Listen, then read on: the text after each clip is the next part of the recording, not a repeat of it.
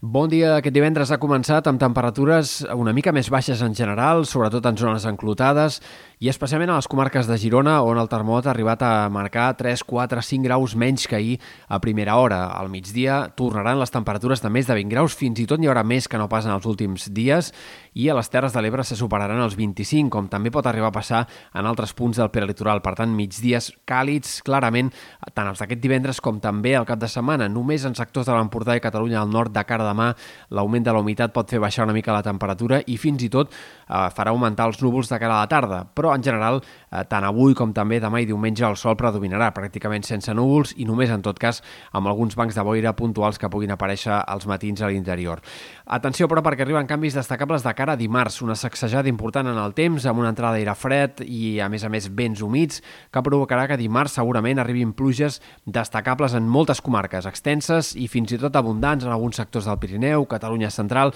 o algunes comarques del sud de Catalunya. Després sembla que aquesta tongada de precipitacions es desplaçaria cap al País Valencià de cara a dimecres dijous, podria però tornar de cara a divendres a Catalunya. Això encara és molt incert, però sí que sembla clar que la setmana vinent tindrem un temps més mogut, sobretot dimarts amb possibilitat de pluges i els altres dies amb més fred clarament i amb vent eh, com a mínim de gregal que provocarà mala mar i farà que per tant el temps sigui en general més mogut eh, tota la setmana vinent.